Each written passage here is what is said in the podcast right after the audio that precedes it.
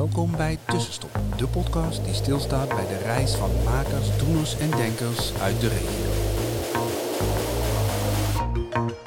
En in deze tussenstop staan we stil met en bij Tineke Rozenboom. Zij is sopraan, ze geeft zangles en ze kent zo'n beetje iedereen die we al gesproken hebben.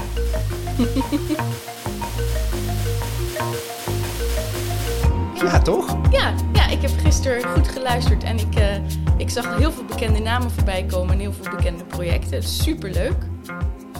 Eh, welkom in je eigen huis, maar nog steeds. Welkom, eh, welkom. wel- welkom in Tussenstop.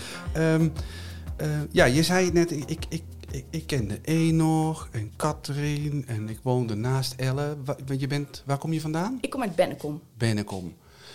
Ehm, ik zei, je bent sopraan. Ja. Nou, ik begin altijd bij het begin. Dus ik begin in Bennekom. Eh, Zat jij vroeger eh, al eh, vanaf je derde lekker te zingen? Ja. Ja? Ja, ja, ik was altijd wel, wel bezig met liedjes zingen en met muziek.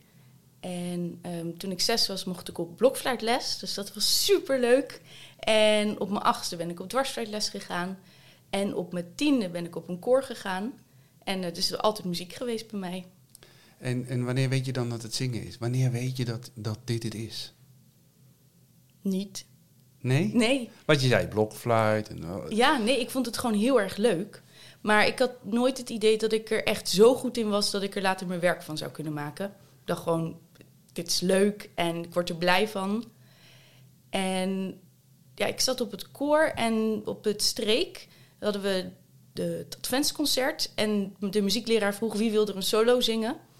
En dacht ik, ja, dat wil ik eigenlijk wel. Dus ik stak mijn hand op, wat ik normaal niet zo snel gedurfd zou hebben. Maar ik dacht, ik ga het gewoon doen. En toen mocht ik gelijk de solo zingen. En na het concert zei hij, wil jij niet naar het conservatorium? En toen dacht ik, ja, wel, dat wil ik wel. Oké. ja, oké. En, maar eh, een solo, wat van solo? Was dat dan popmuziek of was dat al Nee, klassiek? was, eh, was klassiek. Ja. En, en is dat er dan met de paplepel ingegoten? Nee, helemaal niet. Wat hoorde je thuis dan? André Hazes. Echt waar? Ja. En wat vind je daarvan? ja, dat vind ik ook goed. Ja, dat is heel anders natuurlijk. Ja, ja. ja het, het antwoord verbaast me helemaal niet overigens. Nee? Nee. Ehm, als ik zie wat je doet, dan is dat heel breed. Ja, klopt. bedoel, je kan natuurlijk, eh, als je klassiek zingt, dan kan je heel snel in een hokje gestopt worden. Mhm. Maar het is bij jou heel duidelijk dat het hokje wel iets breder is dan ik zing Bach cantates. Precies. Ja, ik zeg zelf ook niet dat ik sopraan Tineke Roosboom ben, maar zangeres.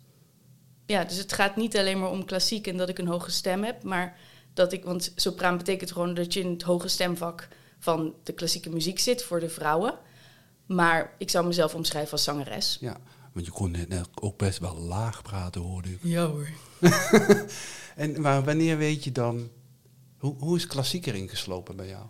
Want dat kwam niet van thuis, dus dat Nee. ben je dan echt zelf gaan zoeken. Ehm, ja, dat is eigenlijk ook per ongeluk gegaan. Want met het eh, koor zong ik wel iets klassiekere dingen en we deden ook musical. Oh ja, koor, dat is natuurlijk dat is wel input. Die, Ja, ja, ja. Maar ik was ontzettend gothic. En dus vanuit de metalwereld, daar zitten natuurlijk bij de gothic muziek, daar zitten al die hele hoge sopranen erin en daar zong ik altijd mee. Ja, en toen zo is het gegaan dat ik, dat ik echt op die manier aan het zingen was. En dat had dan niks met klassieke muziek te maken, maar met die manier van zingen.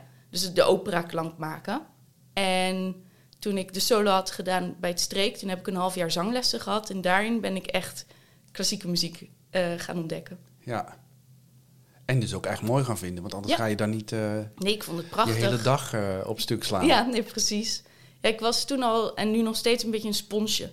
Dus ik wist helemaal niks. Ik begon ook echt, ik wist, want ik, ben, ik heb een half jaar zangles gehad. Daarna ben ik aangenomen voor de vooropleiding naast 5 HAVO. En ja, ik wist wie Bach was en ik wist wie Mozart was, maar dat was het. En dat is natuurlijk heel anders wanneer je zangeres bent of wanneer je een instrumentalist bent op het conservatorium.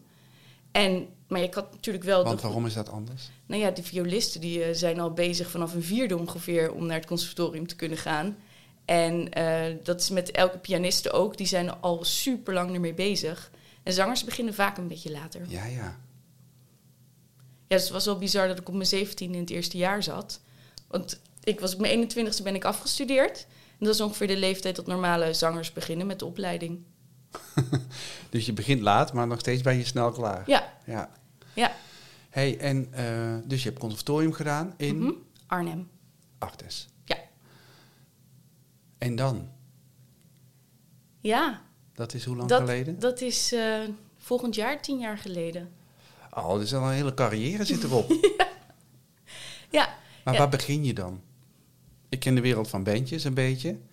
Weet je, en het is toch een beetje eh, eh, met een plank voor de kop eh, ploeteren en denken ik ga daarheen. En dan soms lukt het. mhm. Beetje, beetje gechargeerd. Maar je, hoe zit dat in, in jouw wereld dan? Hoe teken, Ehm, teken je daar een carrière uit? nou, of zeg je ik ga toeren of ik wil een plaat maken? Waar, waar begin je dan? Ehm, ik begon, ik, ik gaf al een beetje les naast het laatste jaar. En dat is alle koffie die nu. Mag je ook even knippen. Eh, ik, ik gaf in het laatste jaar gaf ik zangles bij mij thuis, eh, gewoon privélessen. En ik gaf les op de koorschool in Ede en ik gaf les op de muziekschool in Wageningen. Dus dat had ik een beetje als basis. En omdat ik zo onbevangen was begonnen, ben ik ook gewoon zo doorgegaan. Gewoon van, ik, ik wil er komen en ik wil mijn geld gaan verdienen met zingen. En ik wil er, ik wil zangeres zijn. En hoe we dat gaan doen, dat zien we wel. Maar het doel is ver weg en daar gaan we voor. En hier mag ik nu lesgeven en dat vind ik leuk, Ja. dus prima. Ja, en hoe meer concerten ik erbij kan doen, hoe beter. En netwerk opbouwen. Maakt het jou iets uit wat je doet als je maar mag zingen? Hmm, ik kan nee zeggen, want aan de ene kant maakt het me ook niet uit als ik maar mag zingen, maar het moet wel goed zijn. Dat is het. Als het niveau goed is, dan word ik er blij van. Oké, je moet echt uitgedaagd worden Ja. op, op, op het artistieke vak. Precies. Vlak. Ja. Ja, ja. ja, en dan maakt het me niet uit. En, eh, en hoe gaat het sindsdien? Komt er steeds wat nieuws aanwaaien? Ja, van alle kanten elke keer. Ik, ehm, ik heb vanuit het niets een internationale studiebeurs gekregen. En die meneer die dat aan mij gaf, die zei: Je moet ook een CD gaan maken. En dat werd gewoon hier, huppakee, ga maar doen. En eh, dat was een studiebeurs voor twee jaar of drie jaar.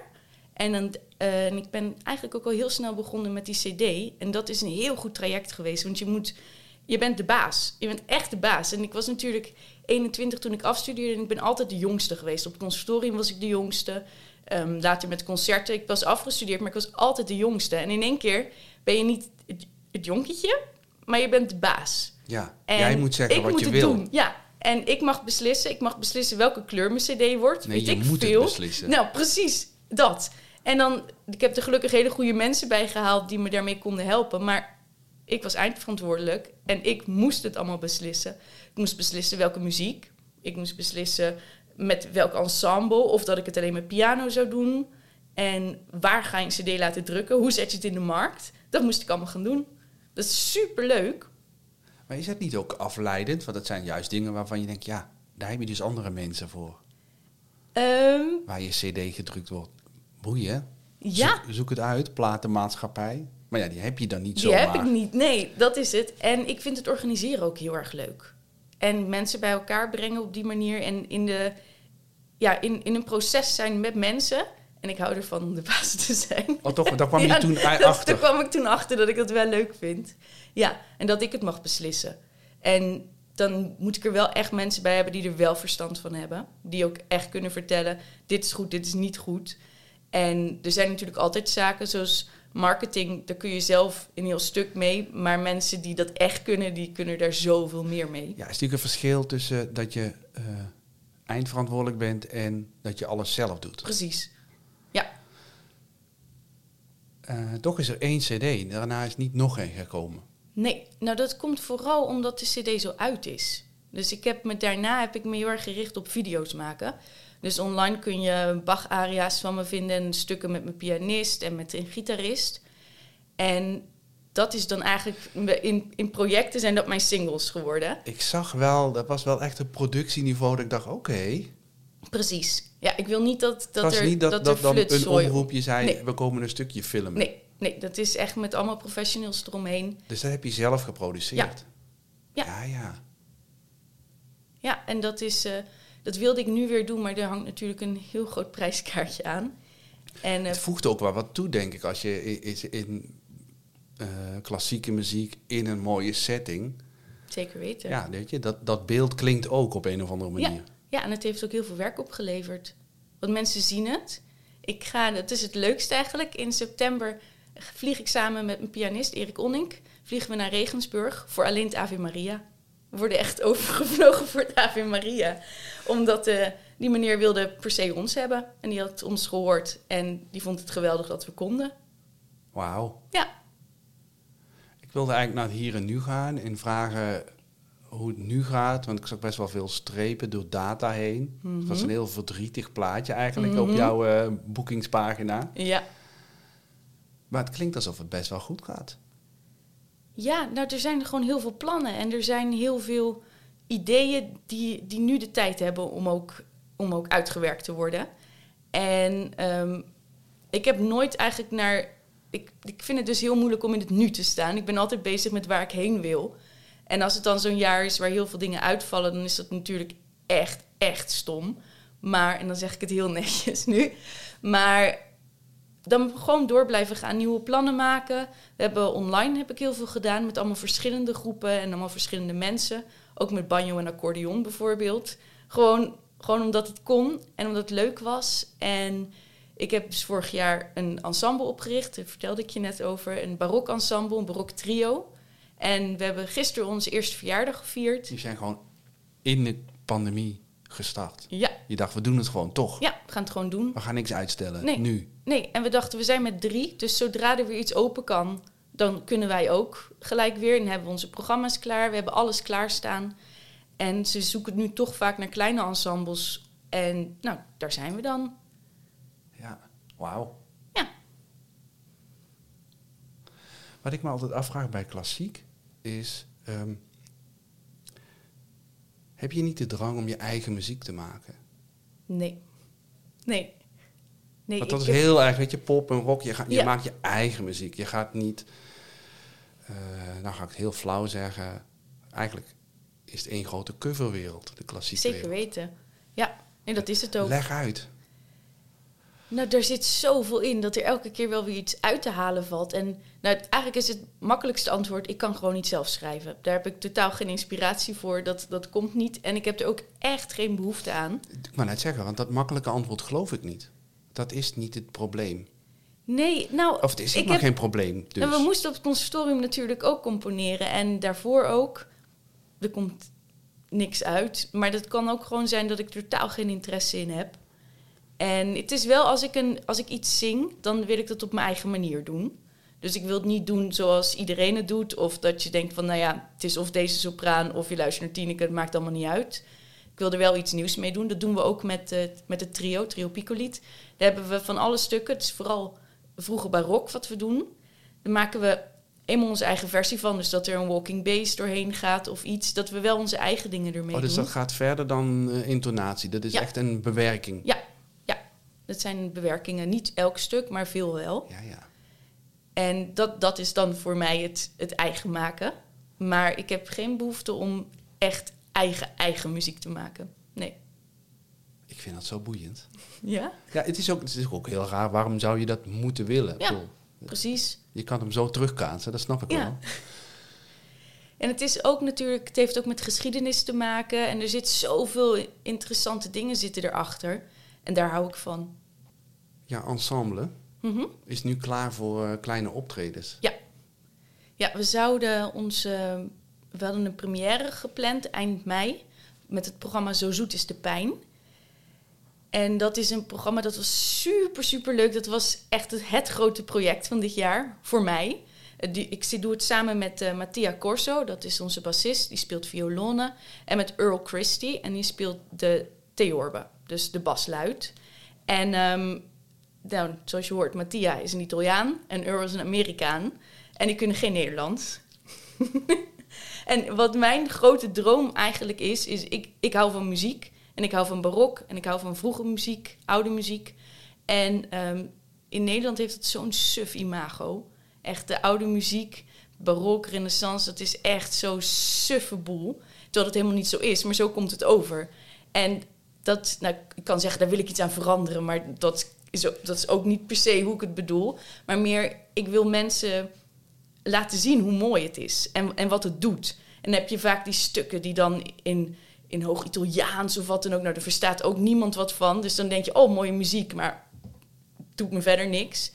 En ehm, we hebben in dit programma hebben we samengewerkt met Larissa Verhoef, de stadsdichter. En die heeft een paar stukken vertaald in het Nederlands. Die heeft de gedichten omgezet in het Nederlands. Dus we zingen de barokmuziek in het Nederlands. Niet het hele programma, maar een paar stukken. Zodat je daar gewoon kunt zitten.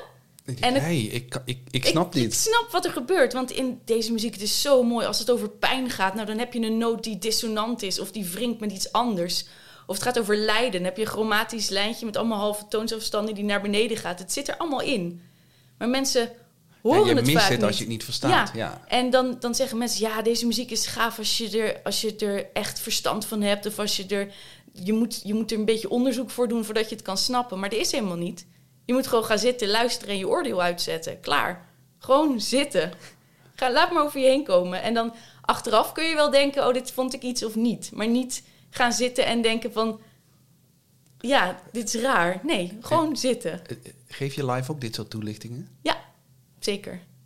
Ja, en dan ook, ik vertelde natuurlijk wel dat soort kleine dingetjes zoals wat ik net doe. Dat leg ik ook uit. Want als je niet weet dat je naar bepaalde dingen kunt luisteren, dan mis je het vaak. En, ehm, maar dat is dus met Zo Zoet is de Pijn, is het echt zo'n programma waarin ik hoop dat, dat...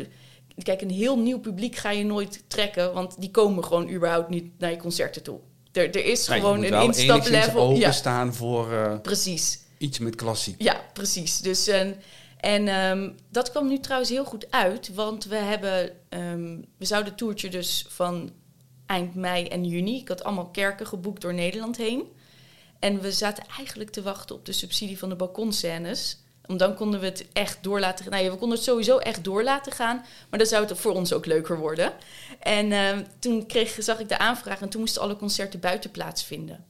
En dat was natuurlijk stom, want je merkt het, je moet luisteren en dat kan niet buiten. Je kan niet buiten luisteren naar een Nederlandstalig barokstuk en dan kijken wat het met je doet. Dat, dat, dan mis je zoveel. Daar heb je, vind ik, echt de atmosfeer van zo'n kerk voor nodig. En eh, nu hebben we allemaal tuinconcerten georganiseerd. Nou eigenlijk hebben we het idee georganiseerd, de tuinconcerten nog niet. En we hebben zeven opties en mensen kunnen zich inschrijven met een tuin. En dan hopelijk, als we de subsidie krijgen, kunnen we gratis komen spelen. En de mensen van de tuin, die nodigen hun publiek uit. Dus zo krijg je echt, echt, kun je echt een nieuw publiek krijgen. Want de stap om naar iemands tuin te gaan om naar muziek te luisteren... is een heel stuk kleiner dan de stap om naar een kerk te gaan, naar een concert te gaan. En het zijn ook allemaal kleine, kleine concertjes. En we gaan daar niet alleen maar Nederlandse dingen doen, maar ik zie het dan zo voor me dat het zo'n, zo de, de druiven zo om je heen en dan die mooie rozen en dat je daar dan een baroktrio hebt staan. Dat is natuurlijk prachtig. Ja. Misschien sta je wel in een eh, eh, onderhoudsvrije, geasfalteerde Ja, tuin. dat kan nou, ook, hè? Prachtig toch? het verweven van het hier en nu met de barok en dan eh, ja. Maar dat klinkt ook als een perfecte voortraject voor eh, Ja. die kerkenserie Nou, later. precies. Ja, en we hebben concerten nu in Italië en in Spanje staan. Dus als dat allemaal doorgaat, dat zijn ook allemaal buitenconcerten. Dat zijn geen tuinconcerten, maar bij allemaal hele mooie gebouwen of bovenop een berg. Je zei, ik heb kerken geboekt. Ja. Je doet echt alles zelf. Ja, ja dat- ik hoop uiteindelijk natuurlijk dat hij hier een, eh, een, een impresariaat en een manager opkomt, dat zij het overnemen uiteindelijk. Maar voor nu is het zelf te doen en vind ik dat ook heel erg leuk. hey, ik zag ook nog iets met eh, eh, Lord of the Rings. Oh ja. Ja, dat, dat was ook een cover. En ehm, dat is gemaakt door mijn vriendinnetje Anne-Katrien Dern. Dat is een componiste, die zit in Hollywood. En die componeert echt voor de ene grote film naar de andere grote film. En die belt jou regelmatig. Ja, zeker weten. Als ze een stem nodig heeft, dan belt ze me. Ja, en dit was gewoon ook een corona-dingetje. Want ehm zij had ook even geen werk. Toen zei ze, ah Tien, zullen we dan eindelijk iets leuks gaan doen? Iets waar geen druk achter zit, waar niemand zegt hoe ik het moet doen... of waar ze rekening mee moeten houden. Dit was gewoon een eigen dingetje. Ja, was gewoon was een eigen geen dingetje. klus. Nee, nee, dit was gewoon echt, echt voor de lol. En toen zei ze, ja, wat wil je doen? Toen zei ik, ja, ik wil zo graag het liedje uit, eh, uit Lord of the Rings doen. En ehm, toen zei ze, oké, nou, zing maar in. En toen heb ik één toon van de YouTube aangehad, van YouTube aangehad. En dat was geloof ik een B. En die heb ik aangezet en daarop ben ik gaan zingen, gaan intoneren. En dat heeft ze, heb ik er toegestuurd. En zij heeft er van alles omheen gebouwd. Echt fantastisch. Wauw. Dus ik had geen idee wat het zou worden. Ik heb alleen maar mijn stem aangeleverd. En, en, en toen kreeg je terug. Ja, wauw.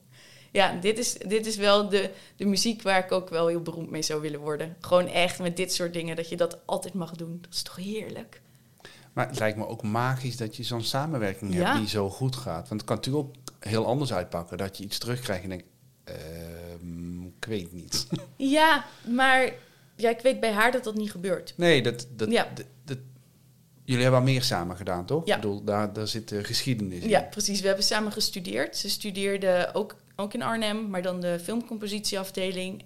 En daarna is ze naar Amerika gegaan. En ik heb haar hele eindexamen ingezongen bijvoorbeeld. En daarvoor hebben we allemaal leuke projecten gedaan. En heeft zij het nou gemaakt en ben jij in Nederland blijven hangen? Of voelt dat heel anders? Oh, dat voelt heel anders. Ja, nee, zij is... ehm, eh, haar droom is componist zijn in Hollywood. En mijn droom is zangeres zijn. Ja, dus dan, eh, als je dat wil zijn, moet je naar Hollywood. En jij hoeft dat niet. Ik hoef dat niet. Nee. Nee. nee. en ik sta op zolder te zingen met de London Symphony Orchestra. Want dat, we hebben ook opnames gedaan voor een game met de London Symphony Orchestra. En daar heb ik het op zolder op ingezongen. Maar ja, ik sta wel met de London Symphony Orchestra Ja. op een nummer. Dus het gaat eigenlijk gewoon supergoed met je. Ja, het gaat eigenlijk heel goed. Heb je heel veel gehad? Ik, ik heb dat in de, in de popbusiness gezien. je, eh, dat bands nu in plaats van één keer twee keer spelen en dan voor de helft van de gage. Is dat, is dat in jouw wereld ook aan de hand? Ja. Ja. En ehm, nou, het is meer dat iedereen wil nu ook optreden. Dus ze hoeven ook niet zoveel te bieden, want er komt toch wel iemand op af. En dat vind ik wel heel pijnlijk. En dat kan ook niet. Dus dat doe ik ook echt niet. Nou ja, Dat is een beetje trots, denk ik ook. Ik heb voor gestudeerd en hard voor gewerkt. is het niet ook zo dat, eh, want ik denk dat dat wel in de popwereld daaronder ligt, dat je het, gevoel hebt dat je er echt samen uit moet komen. En dat je dus ziet dat popzalen, als ze maar 20 kaarten kunnen verkopen, ook geen 5000 euro kunnen betalen. Ja, nou dat is natuurlijk logisch. Dus maar dan probeer je samen zeg van, maar wa- wat kunnen we dan toch nog wel doen? Ja, nou, maar als het dan nog steeds om goede bedragen gaat, dan kan het. Maar als het echt van die belachelijk lage bedragen zijn en dat je denkt, ja, de- Dan ga jij liever kom- thuis aan je ensemble werken. precies, dan blijf ik lekker van in bed liggen eigenlijk. Doe ik liever dan dat ik dat doe. Ja. Ja. En dat is wat ik ook, dat heeft dan vaak ook met niveau te maken. Dus dan, dus dat is wat je in het begin vroeg van, wil je alles doen? Nou ja, het Nee. heeft niet, nee, ik wil niet alles doen. En ik wil ook niet, kijk, als het echt een heel gaaf project is en het budget is er niet door dit, oké. Maar als het gewoon een normaal concert is en ze moeten dus twee keer iets doen voor een heel laag bedrag, ja, dan moet je er even over nadenken of dat het waard is. Want er zitten repetities aan vast. Je moet, je moet studeren. Er zit zoveel tijd vooraf erin. En dan kun je ook denken, heeft het iets, is het iets goeds voor mijn carrière of niet? Of is het gewoon dat ik mag zingen? Ja, En want zoiets als Claire Obscure, dat was nog voor corona. ja dat was het laatste concert. Laatste concert die ik gegeven heb voor corona. Dat was eh, voor de mensen die dat niet weten, was eh, eh, klassiek meets metal. Ja. Dus Ja. da- da- daar kwam iets bij elkaar voor jou, Ja, toch? Was eh, zeker oud weten. kot, Ja, ja nee, dat was superleuk. Ehm Astrand heeft, ik geloof dat het 2017 was, die heeft de Edelse Cultuurprijs gewonnen. Of ik heb die gewonnen en zij hebben de andere prijs gewonnen. En ehm, ze dachten van, nou ja, oké, Tineke Roosboom, nooit van gehoord, maar prima. En een jaartje later, toen kreeg ik een mailtje van, hey, wil je een keer een kopje koffie doen? Gewoon kijken of dat, we, dat, er, ja, of dat er een klik is of iets en of dat we iets samen kunnen doen. En eh, ze dachten volgens mij echt dat er een heel suf klassiek iemand zou komen. En toen bleek dat ik in allemaal bands had meegezongen, achtergrondzang. Allemaal projecten die zij super vet vinden. En de- ja, die hadden helemaal niet nagedacht dat er nog een hele wereld achter kon zitten, achter iemand. En eh, dus dat klikte hartstikke goed. En toen hebben we het project ontwikkeld. Dat was wel fijn, daar hoefde ik niet alles te doen, want daar heb je gewoon Astrand voor die het organiseert. ja. Ik heb wel de mensen bij elkaar gehaald. En ehm dat was echt heel gaaf. En is dan, is, is- heb je dan niet dat je zoiets... eh, Ik gooi gewoon al mijn vooroordelen over klassieke muziek op Ja, tafel. Hè? Dus, eh, ik hoop dat je je niet eh, aangevallen voelt. Ehm, ik hou zelf ook van klassiek en ga ook regelmatig naar eh, voorstellingen. En dan zie ik iets heel moois en dan denk ik, waarom doe je dit maar vier keer? En daarna gaat het de kast in voor zes jaar. Ja, nou dat was met de Claire Obscure was wel het idee dat ze het vaker zouden doen. Maar ja, dat was de... maar corona. Ja. Maar we hebben wel een cd ervan gemaakt. Niet van het klassieke deel, maar wel van het metal deel. Dus, en die is ook met een label uit. Wordt, ik, ik weet niet wanneer de release is, maar die wordt uitgegeven door een label. En, en er zouden dus nog meer shows bij kunnen komen. Maar dan wordt waarschijnlijk het klassieke deel geskipt. Oké, dus daar komt wel een herhaling. Maar je snapt wat ik bedoel, toch? Ja, nee, zeker weten. Heb je daar zelf geen last van? Dat je denkt, oh, dit is zo mooi, ik, moet er gewoon, ik ga gewoon hier een jaar mee op tour. Ja, dat zou ik wel willen, maar ja, dan moet ik het allemaal zelf organiseren natuurlijk. Ja. ja, en dat, ja, dat is... Dat zou heel gaaf zijn. Zoals met Picoliet hoop ik ook echt dat we, als we met het project bezig zijn... en dat, dat het goed loopt en dat de zalen weer open gaan... dat dat deeltje ook overgenomen gaat worden door een bureau die daar verstand van heeft. En dan, ja, hoe meer, hoe beter. Ja, ja. Want ik vind met Zo Zoet is de Pijn, dat product, dat is zo gaaf. Er zijn gewoon... Ja, de, de Matthäus Passie is, is vertaald door Jan Rot. En dat is het enige echte werk vanuit die tijd die in het Nederlands gezongen wordt. En hij heeft het heel vrij vertaald en wij hebben het heel letterlijk vertaald.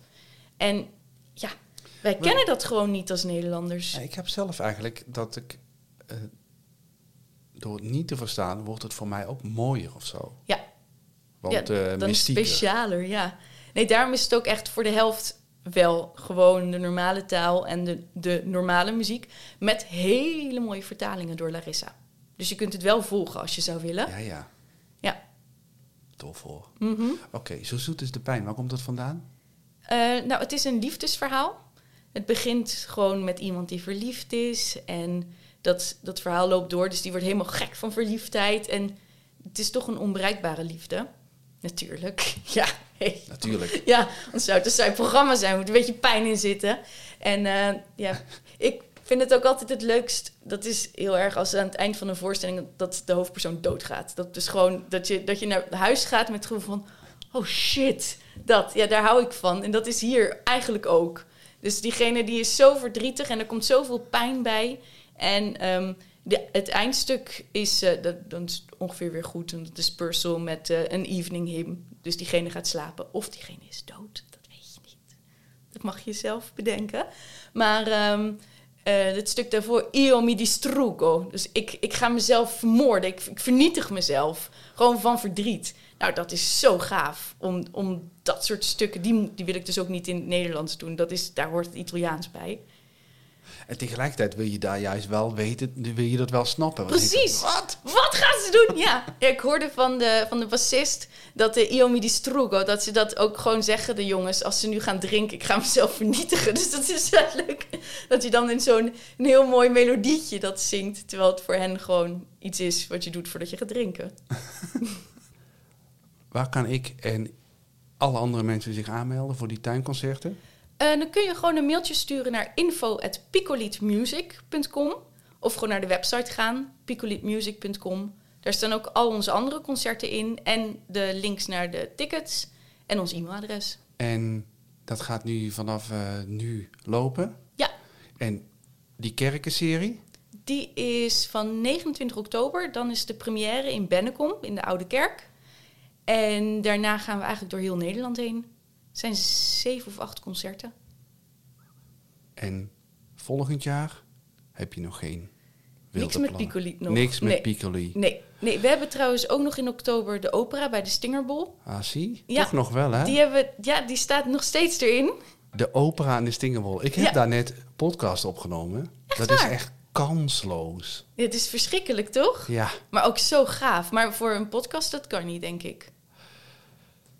Ah, er zit een mooie natuurlijke echo in. Laten we het daarop houden. Ja, heel mooi. Ja, het is wel echt heel gaaf. Als je daar zingt, Maar dan ga je daar binnen dan? één stuk. Ja, ja. Ja. dus dan ga je echt spelen met die ruimte. Ja, Want dat gaat gebeuren. ja Iemand precies.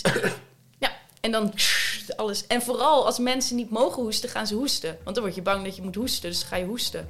Dus dat gaat zeker gebeuren. Ja, en er komen ook nog dansers bij.